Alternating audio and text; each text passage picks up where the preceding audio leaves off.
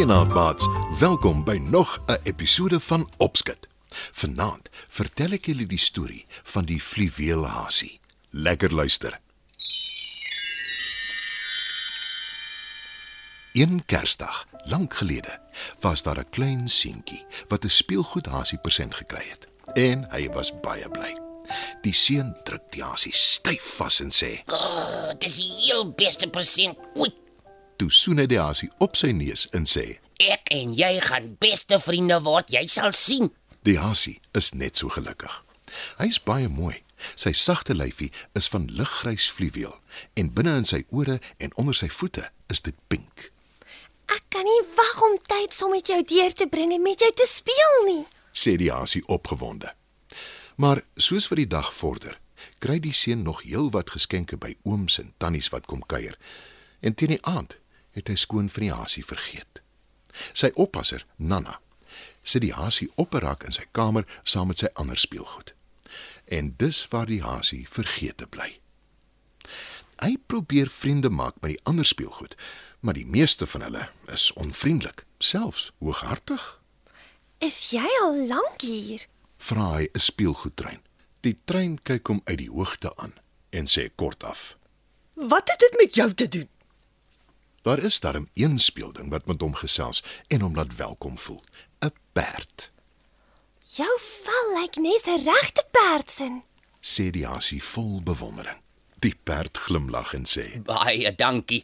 Die seun se oom het my spesiaal so gemaak. "Toe sê die perd vir die hasie: As die seun lief genoeg is vir jou, sal jy eendag 'n regte hasie word. Die hasie kan nie sy ore glo nie. Wat gebeur dan? Waar sal ek bly? Vra hy, Buite saam met ander hasies. antwoord die perd. Die hasie kyk hartseer na hom en sê: Ek hou daarvan om 'n fluweelhasie te wees en ek dink ook nie dit sal sommer gebeur nie. Die seun het lankal van my vergeet. Miskien nie, jy weet nooit. "Troos die perd." En toe een aand kry nie die seun of sy oppasser, Nana, die speelgoed porseleinhond wat altyd saam met hom slaap nie. Hy is na aan trane. Wat maak ek nou? Ek sal nooit kan slaap nie. sê hy. Nana kyk rond. Sien sy die fluweelhasie op die rak. Sy vat die sagte speelding en gee dit vir die seun. My hasie. Roep hy bly en druk die fluweelhasie styf vas. Van toe af slaap die fluweelhasie elke aand in die seun se arms en niemand is gelukkiger as hy nie. Na 'n lang ruk word die fluweelhasie ouer en hy's nie meer so mooi as toe hy splinternuut was nie. Maar nie hy of die seun gee om nie, want die fluweelhasie is die seun se heel gunsteling speelding, Vandag gaan ons piknik hou. sê die seun een oggend vir die hasie. Die seun se ouers het 'n baie groot tuin, omring met bome en digte struike. Die hasie is opgewonde en sê: Dit klink lekker. Ek kom nooit buite nie. "Wat hy nie weet nie, is dat daar regte lewende hase tussen die bome en die struike bly en dat hy hulle vandag gaan ontmoet." Wat maak jy hier? Wil een van die hasies by hom weet. Jy lyk soos 'n haas, maar jy is nie een nie. Jy het dan nie eers agterbene nie. Lag 'n ander een. Is nie. Ek het. Kyk. Antwoord die hasie en hy probeer op sy agterbene spring, maar hulle is vas aan sy fluweellyf en hy val om. Moenie eens probeer nie. En moenie dink jy sal ooit 'n regte haas wees nie. spot die hase. Toe op 'n dag word die seun baie siek. Hy het skarlakenkoors. Dis 'n ernstige kindersiekte wat gelukkig nie meer dikwels voorkom nie. Maar dis baie aansteeklik. Hy moet in die bed bly en die dokter besoek hom gereeld.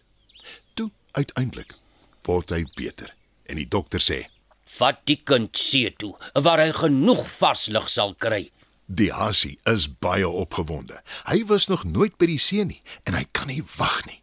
Maar toe hoor hy die dokter sê: En verbrand sy beddegoed en die ou speelgoed daar's. Dis vol kieme.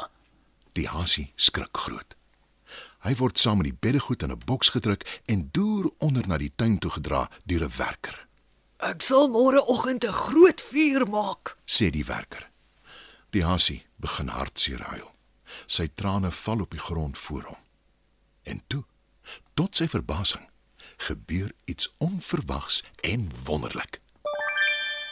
'n Pragtige blom groei voor sy oë uit die grond en 'n vee kom te voorskyn. Wie is jy? Wil die hasie verbaas weet, Ek is die vee wat jou in 'n regte hasie gaan verander. Antwoord sy. Is dit omdat die seun regtig lief is vir my? Vra die hasie verwonderd. Die vee knik en swaai haar towerstaf en die fluweelhasie verander in 'n regte hasie. Die vee tel hom op en vlieg met hom na 'n digte bos met blomme en bome en baie ander hasies. Toe sy hom neersit, kyk hy rond. Hy is te bang om te beweeg, want hy weet hy het nie agterbene wat los is van sy lyf nie. Maar hy is verkeerd, want skielik kan hy spring en hop en hy het agterbene, Dis alles omdat die seun regtig lief is vir my. sê die hasie, en hy weet hy gaan baie na die seun verlang.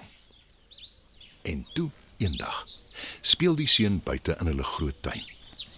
Die hasie kom versigtig nader van waar hy agter 'n struik weggekruip het.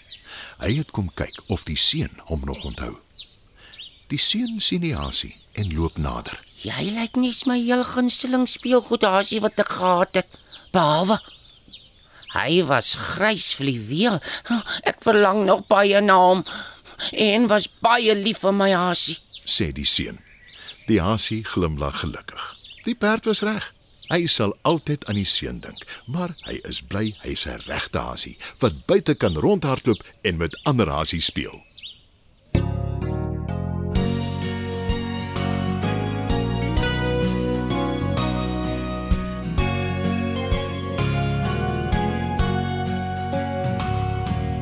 Bethlehem ster o wonderlik heerlik lieflike gesig wyse manne kom van ver Bethlehem ster o lieflike ster Bethlehem ster o lieflike ster Bethlehem ster,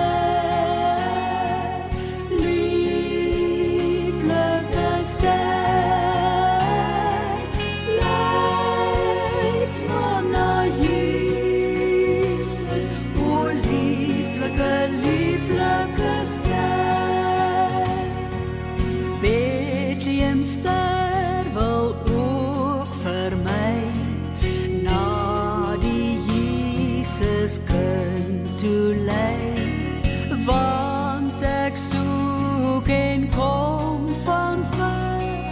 Bethlehem ster o lieflike ster. Bethlehem ster o lieflike